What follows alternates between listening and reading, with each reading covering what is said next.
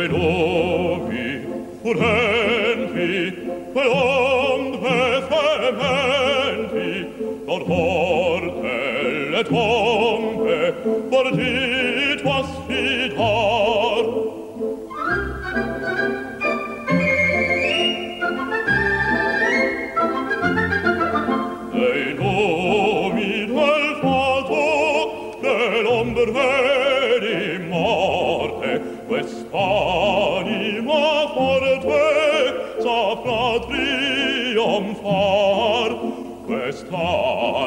ma forte saprà triomfar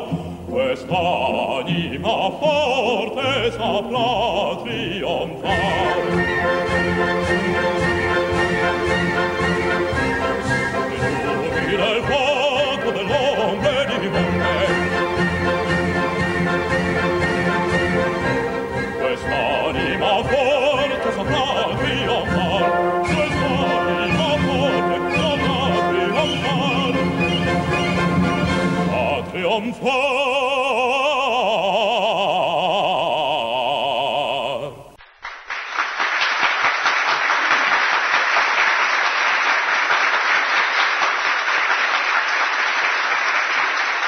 Efectivament, no us heu equivocat de podcast, esteu al Reservoir Jocs, aquest és el capítol número 5, i hem començat amb una òpera perquè resulta curiós que una persona com aquesta veu que acabem d'escoltar, eh, un baix nascut a Alemanya, amb nacionalitat belga, amb origen libanès, llicenciat en llengües romàniques i gestió cultural, ha interpretat una, la primera part d'una òpera eh, que es diu Semi, Semiramide, de Joaquino Rossini, i aquesta part era la primera part d'Asur Cabaleta. És, és impressionant, dic, perquè aquest home nascut al 1976 es diu Shadi Torbey. Shadi Torbey, a part de tenir aquesta potent veu, a part de ser llicenciat en llengües romàniques i en gestió cultural, a part de tot això, és l'autor de, del gran joc eh, solitari, perquè tot i que es ven com a solitari i per a dos jugadors, penso que és un joc més bé per jugar en solitari. És un joc de cartes, és el joc Onirim. I sí, efectivament, sorprèn moltíssim eh, escoltar un baix fent òpera i que també es dediqui a la creació de jocs i, bueno, aquest va ser el seu primer joc. Penso que està treballant en un altre i si té tota la pinta que té l'Onirim, mm, doncs eh, serà un joc molt interessant, perquè penso que també està treballant amb el mateix o la mateixa il·lustrador, il·lustradora, no sé si és un, un home o una dona. I és eh, molt recomanable seguir aquest home, no només a, a l'òpera, sinó amb els jocs que, que li surten del cap. Shadi Torbey. I bé, eh, com és un programa que, que ha començat amb aquesta petita sorpresa, que un creador de jocs sigui també un baix d'òpera i bastant reconegut a nivell mundial, eh, centrarem l'eix temàtic d'aquest nou capítol, del capítol número 5 de Reservoir Jocs, en les sorpreses. I és que és una, és una temàtica que, que s'està donant moltíssim. Per exemple, em vinc ara mateix de, de la Bacus, de, ja sabeu, les botigues de la, de la cooperativa Bacus, i m'he apropat per, per aquesta promoció que, que deien de fer, bueno, que, que es, es deia la publicitat de 1.000 productes a preu de cost. I volia una mica xafardellar a veure quin, en els jocs de taula quin, quin eren els productes que havien rebaixat i, hòstia, m'he trobat amb, amb una agradable sorpresa també, com la del Shadi Torbey. L'Onirim no el trobareu a l'Abacus, que jo sàpiga. És un joc que s'ha de trobar d'importació, però a l'Abacus, amb aquesta promoció dels 1.000 productes a preu de cost, sí que trobareu, per exemple, un joc bastant interessant de deducció, que és un joc que ja té força temps, però que és el Tricoda, del Robert Abbott i l'Àlex Randolph, que baixa ni menys ni menys de 26,15 euros a 16 euros. O sigui, una rebaixa mm, de quasi 10 euros. També trobem un parell de jocs d'homolúdicos. El, el primer que trobem és eh, de mudances, que també el coneix la gent com Pack and Stack, que de 31 euros amb 85 baixa a 18 amb 31. El, el Marrakech, del Dominique Erard, un joc que és molt recomanable per regalar, per exemple, aquests reis. Eh, és un joc que és de... té un dau, però jo mm, dic com a símil que és com, com un monopoli actualitzat i amb una temàtica més eh, del Magreb, per dir-ho d'alguna forma, i molt més interessant que el monopoli, perquè el Monopoly, per exemple, si, si tothom suposo que l'haurà jugat més o menys, eh, ja està bastant descompensat. En canvi, el Marrakech és un joc que, que fins al final hi ha tensió i, i bueno, és una mica de gestionar com col·loques unes catifes al, al tauler i també eh, entra una mica de sort perquè hi ha un dau, però bueno, que, que, que és un joc que està força interessant per regalar mm, aquests Nadals, bueno, aquests Reis ja, perquè Nadal ja va passar, i baixa de 26,95 euros a 16,65. Eh, això és un, un xollazo també pel, pel tipus de joc que és. Si us agraden més els abstractes, els jocs de, de pensar també, hi ha una, un, un joc que es diu Pentago, que de 19,95 euros, que és el seu preu normal, baixa a 10,74. O sigui, també està força interessant el nou preu que han deixat a, en aquesta promoció de Bacus. És un joc que, que és una revisió de, del, del típic joc del 3 en ratlla, del Tic-Tac-Toe, eh, o del Connecta 4, per dir-ho d'alguna manera. El que passa és que hi ha un element nou que és que les peces que has col·locat eh, es poden moure perquè hi ha unes seccions del tauler que, que es poden bellugar també com dintre dels moviments eh, de l'estratègia del joc i està força interessant. Si us agraden més els party games eh, com de tota la vida, d'estar de, en família de, i de mm, practicar una habilitat, com per exemple pot ser la de dibuixar, hi ha un joc que també està rebaixat, que és el Graffiti, que de 30 amb 40 euros baixa a 19 amb 11 euros. I és un joc també molt recomanable si us agraden Uh, si us va agradar el Pictionari, això és una versió de dibuixar, mm, no és un Pictionari exactament, però sí que us farà dibuixar i, i riure i passar una molt bona estona en família. També per 19 a 11 euros és un joc que està superbé pel, pels materials que conté. I el darrer, que és l'altre d'Homolúdicus, en el que m'he fixat que he fet un anàlisi dels que jo he trobat a la botiga de Sant Boi, eh? però segurament igual si aneu a altres botigues de Barcelona igual hi ha algun altre producte que, que també tinguin allà en estoc i que estigui rebaixat. El que he trobat d'Homolúdicus, que està força bé i que me l'hem portat jo avui mateix, és el, el Fauna del Friedemann Friese, el lloc, de, el lloc dels animals, que és un lloc de, de fer apostes i de, i de dir pues, jo crec que aquest animal està a aquesta zona de, del món o crec que li mesura tant la cua o crec que pesa tant eh, i has d'especular una mica amb, amb totes aquestes dades, no?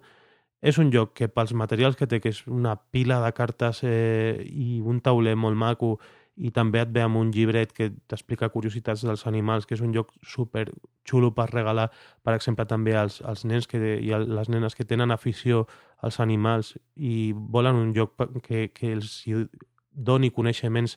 reals d'aquests animals, d'on viuen, perquè d'animals hi ha un fotimer, o sigui, hi ha un munt de cartes. Eh, hauríeu de veure perquè eh, hi ha nivell fàcil, nivell difícil. Eh, hi ha tants animals que, que bueno, jo pensava que que no hi havia tants, però, però el joc demostra almenys això, que, que sí que hi ha esperança, que hi ha molts animals convivint amb nosaltres a la Terra en aquests moments eh, i que per molt temps aguantin. I és un joc que de 40 amb 90 euros, que és un preu que jo ja, li, ja havia jugat, ja el coneixia el joc, eh, i el volia, el que passa que aquest preu, pues, eh, per mi, deia, hòstia, a veure si hi ha algun dia una, una bona rebaixa o el trobo en algun lloc que, que se'l vulguin treure d'estoc, però el que passa és que el lloc és bastant nou. I mira, aquesta ha estat l'oportunitat, perquè de 40 amb 90 euros ha baixat a 24 euros, que això és un regal pel, pel, pel material que, que té i com està cuidat el disseny, eh, els dibuixos dels animals, eh, el llibret, tot, o sigui, és, és una passada. I no m'he pogut eh, evitar comprar-me un. Si,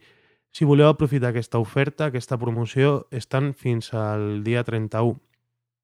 Penso que estan, estaven des, de, des del dia 27 fins al dia 31. Jo estic gravant avui, dia 29, eh, intentaré editar i pujar el contingut del podcast el més ràpid possible i distribuir-ho el més ràpid possible. També, quan acabi la gravació, faré també amb el, amb el Twitter de Reservoir Jocs, per, la, per aquella gent que ens estigui seguint, un recordatori d'aquestes ofertes, d'aquests jocs, perquè són jocs molt bons, molt bons, i, i bé, i val molt la pena aprofitar perquè, perquè és que alguns estan gairebé a meitat de preu.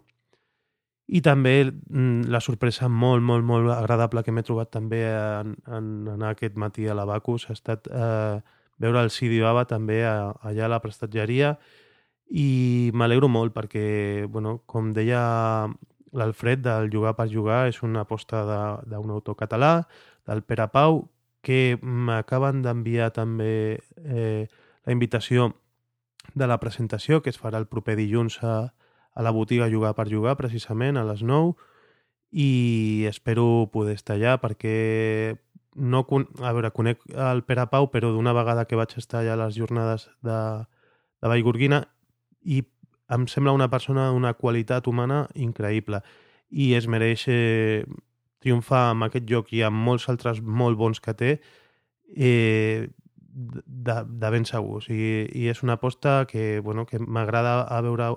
eh, veure-ho allà a, a les prestatgeries de l'Abacus, també veure que està a les botigues online. M'agrada veure que el CD Baba s'està movent. I bueno, felicitats per a Pau perquè, perquè ja tocava.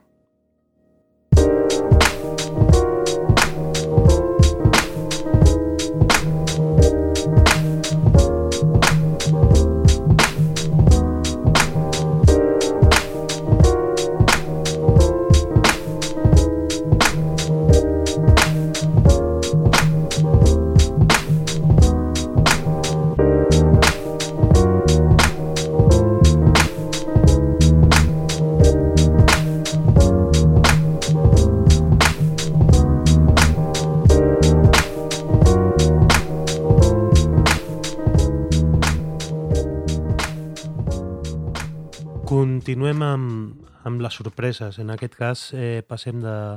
del joc eh, de cartró al, al joc digital. I és que avui és el primer cop, penso, que parlo en, en reservos jocs de, dels jocs de d'iPod. Mm, és que jo tinc un iPod, no tinc un iPad i, i bé, mm, ja sé que es juga millor amb un iPad, però de moment estic jugant amb un iPod. I parlaré d'un joc de, que ha sortit nou a l'Apple Store, que és un joc que és una conversió d'un joc de,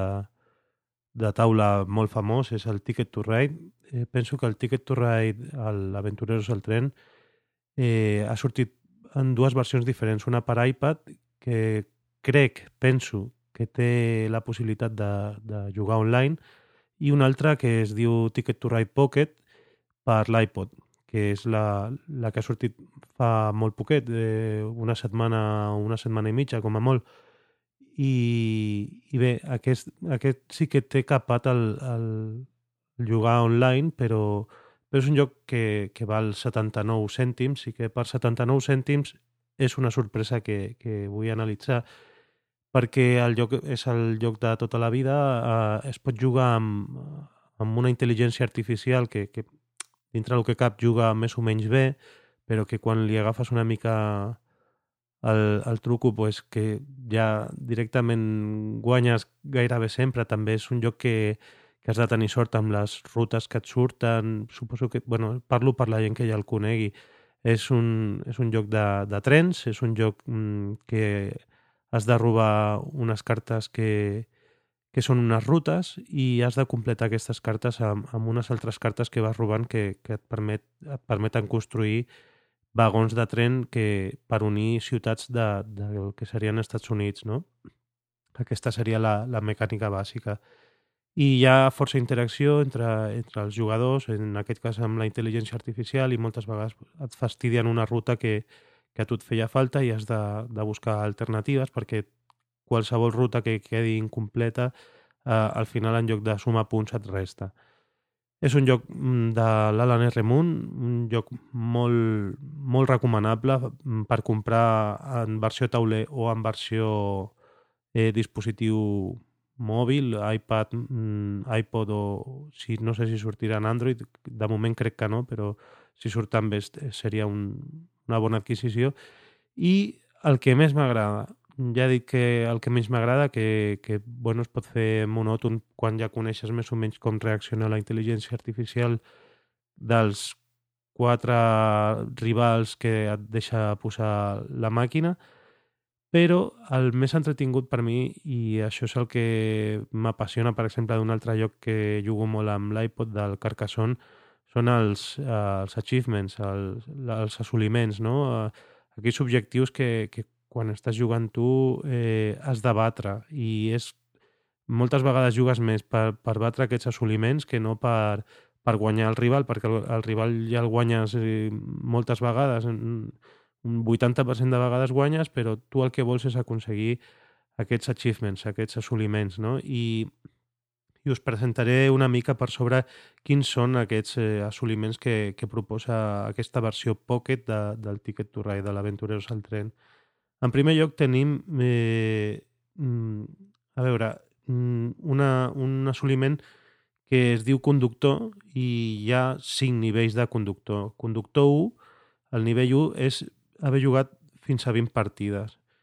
Conductor 2 és haver jugat 100 partides o més. Conductor 3, 1.000 partides o més. Conductor 4, 5.000 partides o més. I conductor 5, 20.000 partides o més. Conductor, conductor 5 és molt eh, fins i tot conductor 4. El que passa és que, que bé, eh, vas jugant, vas jugant. La gràcia també que té aqu aquesta versió Pocket és que pots jugar eh, amb una versió que es diu Pass and Play, amb, amb jugadors que estiguin aquí al, al costat teu, no? que vols fer una partida ràpida sense haver de preparar tot el tauler, repartir tots tot els vagons, eh, remenar les cartes i tal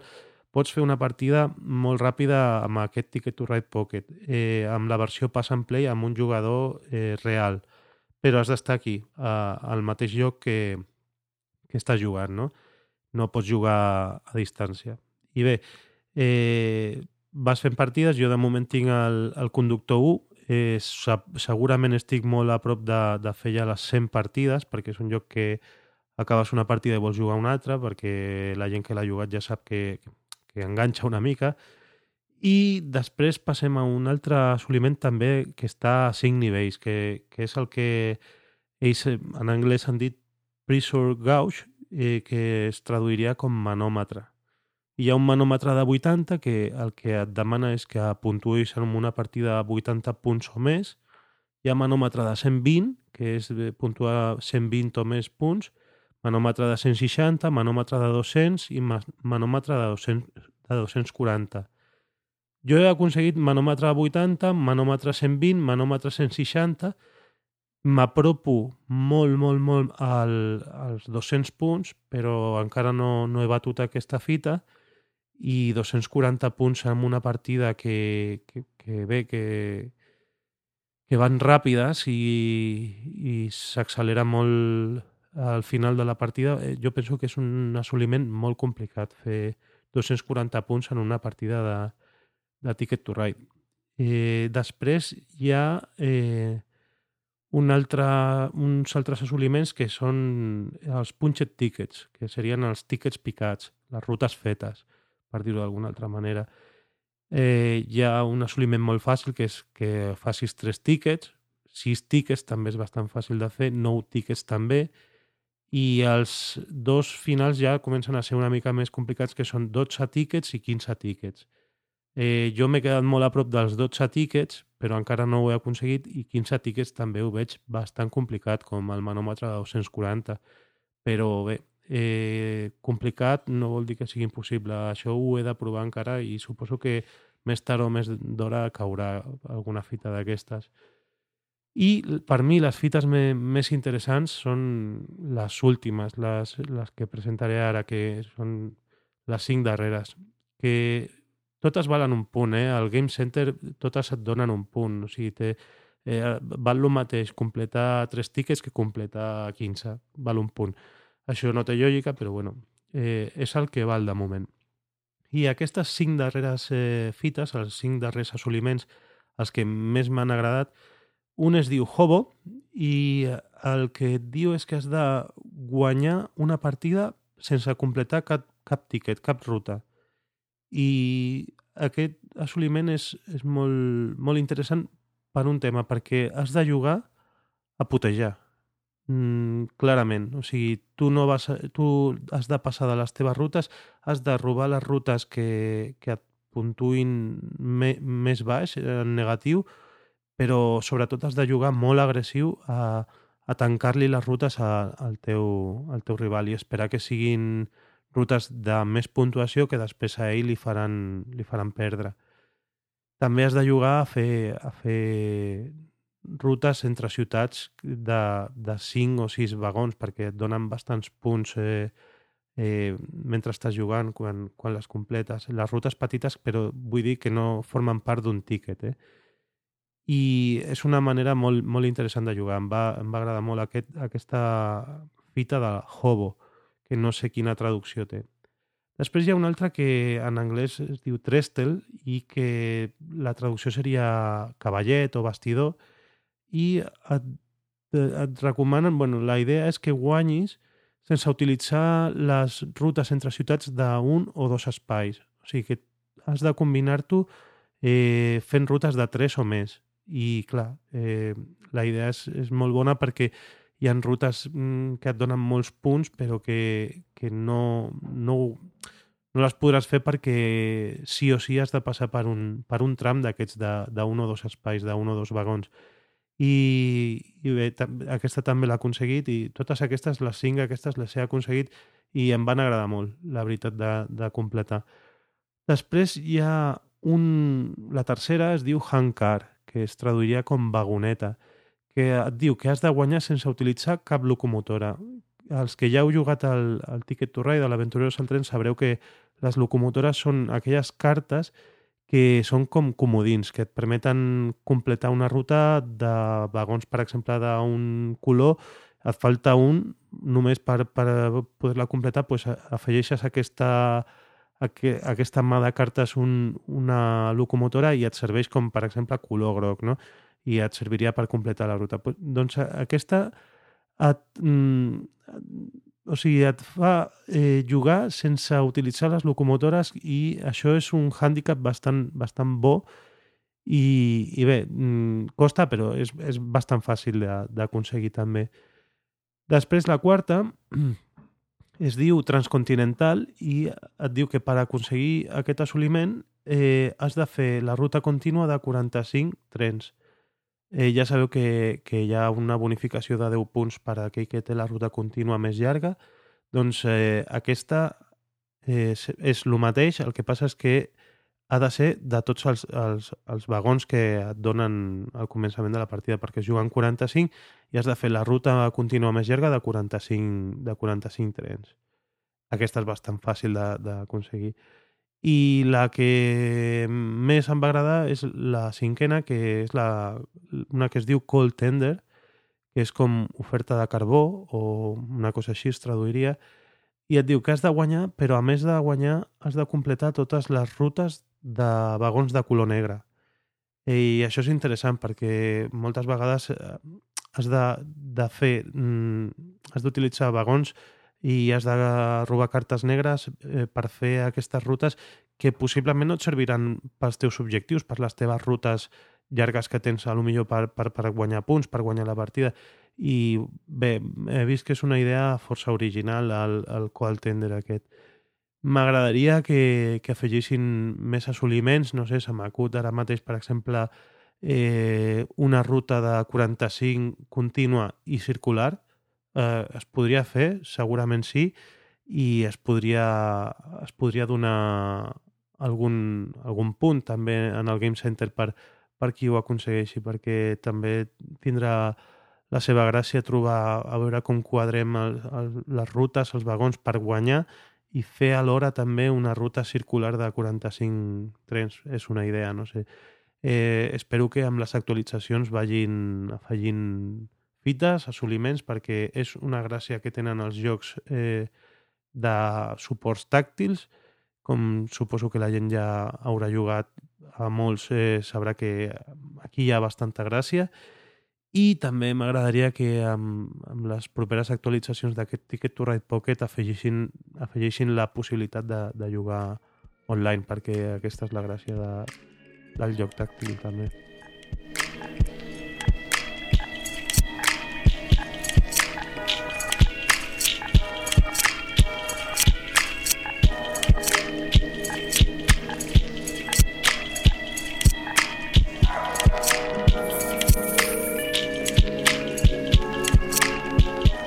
Seguint amb, amb les sorpreses, eh, us vull parlar d'una un, iniciativa en la, que, en la que he participat aquest any, aquest Nadal, que és eh, un, bueno, el Secret Santa, el que seria l'amic invisible que organitza la, la Board Game Geek, la BGG. El Secret Santa és un, com una cadena de, de gent que anònimament fa un regal relacionat amb els jocs de taula a una altra persona a qualsevol part del món, no? I jo aquest any és el primer que participo i m'he apuntat a, a aquest Secret Santa i a mi em va tocar regalar-li a una persona del Canadà i jo li vaig tocar, ara que ja ha rebut els regals, a una persona de França que no ho ha fet anònimament i jo tampoc ho he fet anònimament, així que el noi de Canadà sap qui, qui, que jo li he tocat i jo sé que a mi em va tocar de França el, el Floren Becker, que a la BGG es diu eh, Galvole. El Floren Becker, eh, Floren Becker em va, em va enviar un paquet mm, molt ben preparat, la veritat, s'ho va currar molt, molt més que, que el que jo vaig eh, poder enviar a Canadà, perquè jo no vaig enviar des d'aquí, ho vaig eh, comprar en botigues online d'allà, de, de Canadà, una botiga que es diu Starlit Citadel, perquè em sortia molt més econòmic comprar allà i que li envien des d'allà que no comprar els jocs, perquè això va, us explico ràpidament. Eh, quan tu ets usuari de la, de la BGG, de la Board Game Geek, tens un, la possibilitat de tenir una wishlist, una, una llista de desitjos. I allà, allà tens llistats tots els jocs que a tu t'agradaria tenir. Aleshores, les normes d'aquest Secret Santa, d'aquest amic invisible, diu que t'has de gastar mm, uns 50 dòlars, més o menys, amb, amb les despeses d'enviament eh, també incloses, eh, o més en, en la persona que a tu t'hagi tocat, no? I, I bé, has de triar els jocs de, de la wishlist d'aquests usuaris, igual que els que jo els hi vaig tocar han de, han de triar jocs de la wishlist, almenys un, i després si enviem més, però almenys un ha de ser de, de la meva llista de desitjos. I, I bé, la sorpresa va ser que, que aquest, el Floren Becker de, de França, mmm, a part de que el paquet estava superxulo, portava dintre també un bon Nadal en català i també amb, amb Esperanto, que per l'altra banda, eh, i por, venia també amb unes galatetes de, de, de cirera, que són típiques de, de la regió francesa d'on viu el Floren eh, em va enviar dos jocs eh, que sí que tenia jo a la meva wishlist i un que no, que no en tenia. El, el que, els que jo tenia a la wishlist, un és el Hatari, que és un joc d'un japonès que es diu Hun Sasaki. És un joc de una mica xorres, és de, és de deducció, de, mm, és, mm, bueno, és com uns, uns xinos, però, però revisats i vitaminats i és un joc de, de deducció i de, de bluff, d'enganyar, de, de, bueno, de, de fer creure als altres que el que hi ha és, un, és com una escena d'un crim i els, els culpables poden ser uns determinats sospitosos que tenen una numeració, no? I segons això tu tens informació que altres no en tenen, però els altres tenen informació que, que tu tampoc, i has de, has de jugar amb això. És, és un joc de, de bluff total. El vaig provar a dos perquè diu que es pot jugar a dos, però és impossible jugar a dos, no, no té res de gràcia. Aquest joc s'ha de jugar a tres o més, o més jugadors. I aquest era un dels que jo demanava i em va fer, em va fer il·lusió. Però el que em va fer molta, molta il·lusió, per això dic que és un, avui la temàtica són les sorpreses, és la Few Acres of Snow del Martin Wallace. És, un, és el joc del moment, el, el joc del que tothom està parlant i el bo del Floren Becker m'ho va enviar des de França i, i bé, li va costar els seus calés la veritat, i, i bé, encara no l'he provat, però és un joc que, que està inspirat en, en la guerra que van tenir els britànics i els francesos eh, quan estaven a la part del Canadà, quan eh, encara era colònia o s'estava independitzant i tal. I bé, bueno, és un, parla sobre aquesta guerra, és un joc de cartes, eh, eh, crec que és un deck building games, d'aquests que t'has de construir el, la teva pròpia pila de cartes per, per, per lluitar. I pel que he llegit és un joc que segurament m'agradarà, és un joc que dura uns 60 minuts la partida, eh, un contra un altre, un joc de dos jugadors bastant dur però bastant bonet i, i és el meu primer joc del Martin Wallace i la veritat és que li he d'agrair al, al, Flo, al Floren Becker que, que bueno, eh, el regal. Aquest va ser el regal. I després ja de, de propina, o sigui, em va enviar el Mundus Novus, que, que fins i tot ve amb les instruccions en castellà. És un joc del Bruno Cazolà i el Cesc Lalet. Eh, és un joc que no tenia jo a la meva wishlist, és un joc de cartes eh, que té a veure amb el descobriment d'Amèrica i m'he estat llegint les instruccions i pinta força bé, la veritat, li, li donarem un, una ullada i jugarem una mica per veure què tal està i ja us ho comentaré. Mm, el, això és el que va entrar amb les galetes, amb la felicitació nadalenca i tot. I, bueno, un, una persona que es va portar superbé. Jo, com era la primera vegada, doncs, vaig fer el que vaig poder. O sigui, i vaig enviar-li al noi de Canadà que em va tocar a través de Starlit Citadel, de la botiga d'allà, un joc a, a l'Innovation i el Pandemic, que estaven a, dintre de la seva llista de desitjos. Vaig intentar fer el, el millor detall possible, que era pues, dir-li als de la botiga que ho empaquetessin per regal i que fiquessin un, una felicitació amb una targeta i ho van fer i bé, o sigui, és el, jo em vaig gastar el que deien les normes una miqueta més i vaig fer l'enviament des d'allà si ho hagués fet des d'aquí perquè m'hagués tocat una persona en Espanya, en Itàlia, en França, un, que pogués haver fet un enviament una mica més econòmic, ja hauria enviat des d'aquí, hauria comprat els jocs a les meves botigues mm, de sempre i, i hauria enviat des d'aquí i, i a, a lo millor hauria ficat algun detallet com va, com va ficar el Floren Becker per mi, però no va poder ser perquè em va tocar Canadà. I bé, això és eh, el, el Secret Santa de la BGG, el normal d'aquest 2011. També, com sóc un viciós, vaig participar en el Secret Santa de, també d'enguany, però mm, de print and play. Ara explico, ja que sabeu el que és el Secret Santa, l'amic invisible d'aquesta comunitat de jugadors online mundial, us explicaré ara una mica què és el print and play perquè enteneu també de què va aquest Secret Santa. El print and play és una disciplina que, bueno, que s'ha posat una mica de moda dintre del, del món dels jugadors de taula que hi ha gent que crea jocs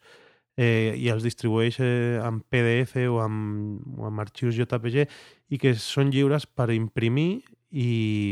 els has d'enganxar amb una mica de cola amb un suport de cartró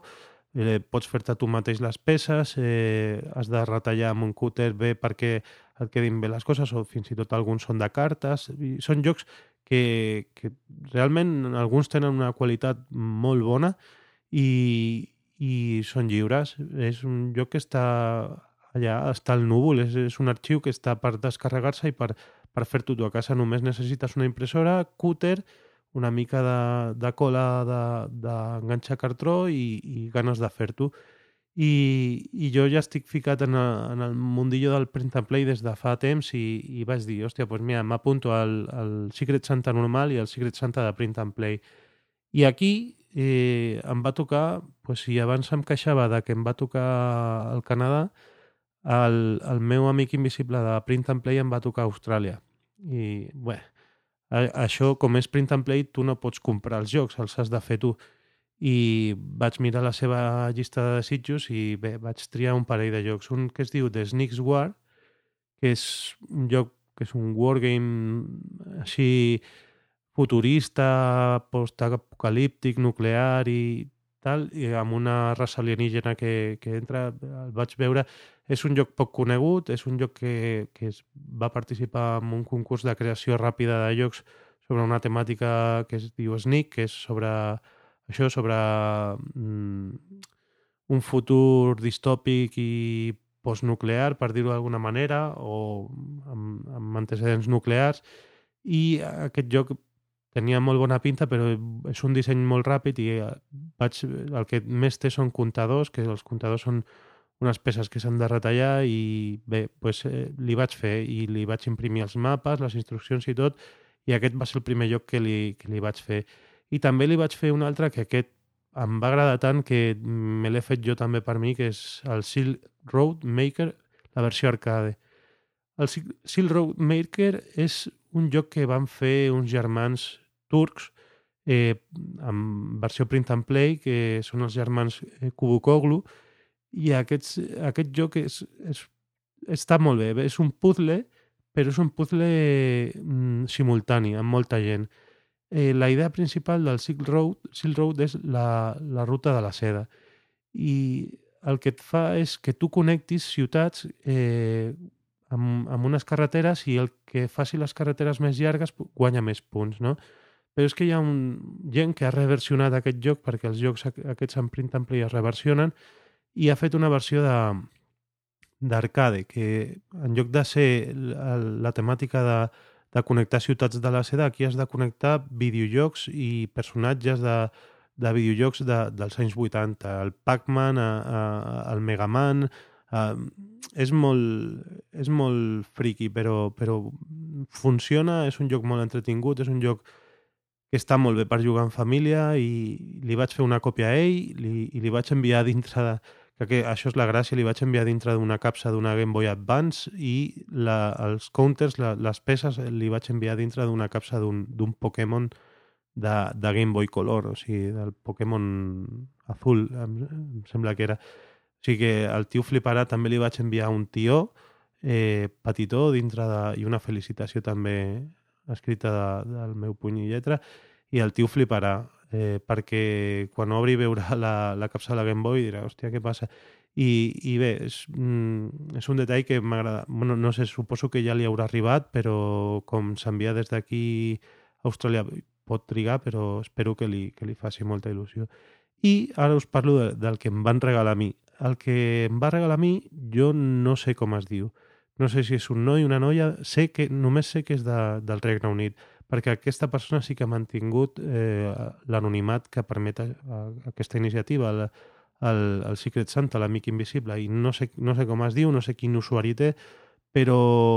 s'ho va currar moltíssim també. He tingut molta sort amb, amb les persones que m'ha tocat eh, aquest primer any, la veritat, això s'ha de reconèixer. Em va regalar un Island Trader, que és un joc que tenia a la meva wishlist, que és un joc d'un noi israelí que es diu Gilad Jarnitsky. És un joc de, de, mm, de portar materials a, a diferents illes. És un joc que, que segurament faré una, una ressenya i unes crítiques amb el que m'agrada i el que em deixa d'agradar eh, en vídeo perquè, perquè és un joc que està... És, és curiós, per ser un joc print and play és curiós, la veritat i és d'anar a portar amb diferents vaixells mm, un jugador amb un color de vaixell i un altre jugador amb un altre color de vaixell recursos a, a diferents illes. I, i bé, és un joc mm, força especial, ja, ja us ho comentaré més endavant. Island Trader. I m'ho va enviar amb una capsa, amb els counters, mm, amb els comptadors molt ben retallats i molt bé, la veritat, s'ho va currar molt. I la sorpresa va ser que és un lloc que no, no tenia ni idea que existia i bueno, em va fer una il·lusió tremenda. És, em va regalar una, una fan expansion, una expansió que ha fet un fan d'un joc que és l'alta tensió, el, el Funkenslag, el Power Grid, i és una fan expansion que es diu Atola Modulis, que, és, que la va crear un francès que es diu Jean-Claude Adelman. Eh, la Tola Modulis és per jugar amb tots els components que tens al, al Power Grid, a l'alta tensió, però eh, et canvien el tauler. I ara, en lloc de ser el tauler dels Estats Units o d'Espanya o, o de Brasil o del que sigui, ja no jugues amb aquest tauler, sinó que jugues amb un tauler modular d'uns atolons d'illes. Mm, I el que has de fer és mm, portar eh, l'electricitat a aquestes illes i es juga, canvia totalment eh,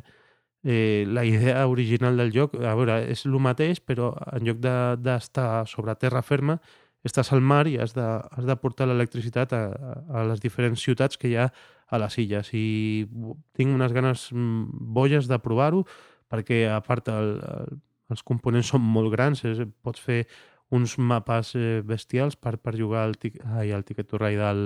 al Power Grid i, i bé, no sabia ni que existia aquesta expansió fan. I expansió fan es diu quan hi ha una persona que li agrada molt, molt, molt un joc i té una idea de, de, de donar-li una volta més al joc, pues, la fa i moltes vegades la fa amb, amb el consentiment de, de l'autor original del joc, que en aquest cas és el Friedman Friese,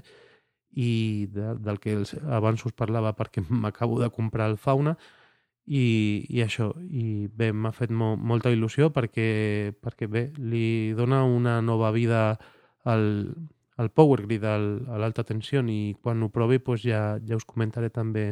en aquest podcast com, com va aquest Atola Modulis del Funkenslag.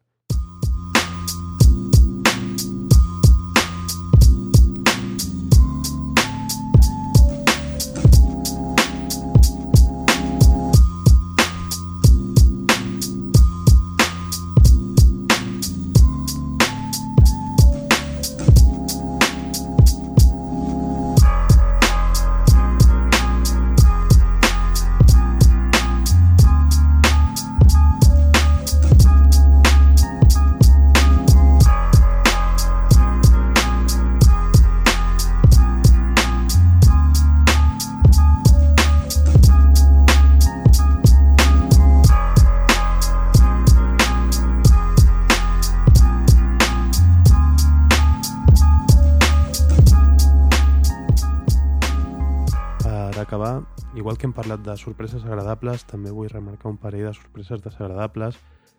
que aquests dies s'han anat passant. I la primera és la, la típica sorpresa desagradable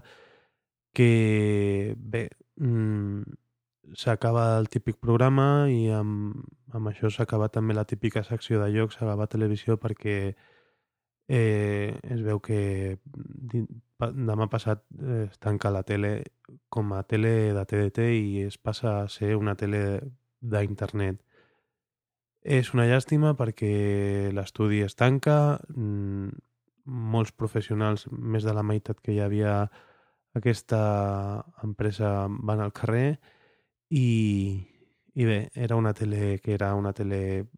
bastant de poble perquè allà et trobaves amb gent que havia anat a l'institut amb tu, eh, botiguers de tota la vida, gent del poble sempre, però era una tele de molta qualitat i de molta imaginació. I dona ràbia que, que un projecte per circumstàncies eh, polítiques, econòmiques, eh, s'hagi de tallar i hagi de continuar d'una altra manera que no, no és diguéssim la més segura perquè la gent se'l faci seu, com, com més o menys era ara mateix la tele de Gavà, una tele que estava, estava al dial del TDT i la gent la veia. Jo he rebut feedback de, de gent d'altres poblacions, fins i tot de, de, de gent de, de Brera que, que, que la veia, no? i de gent de, de Barcelona que la veu, de gent de Sant Vicenç dels Sors que la veia,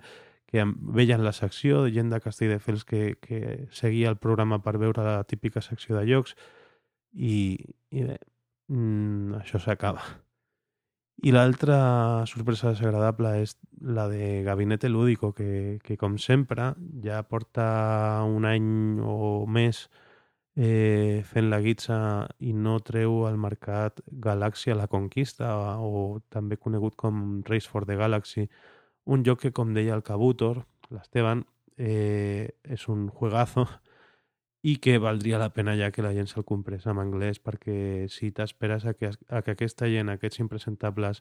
eh, facin la traducció mmm, et pots morir de fàstic.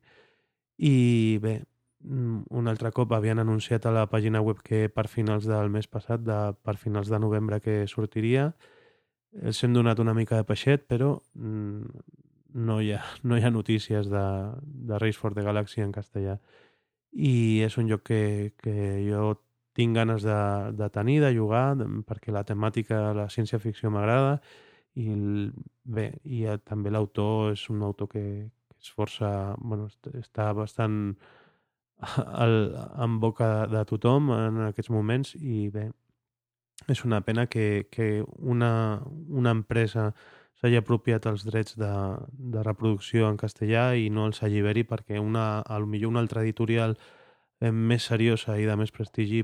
pugui fer aquesta traducció que molta gent estem esperant. Res més, són aquest, aquestes dues notícies negatives, mm, però bé, eh, s'ha de continuar endavant, eh, falta menys de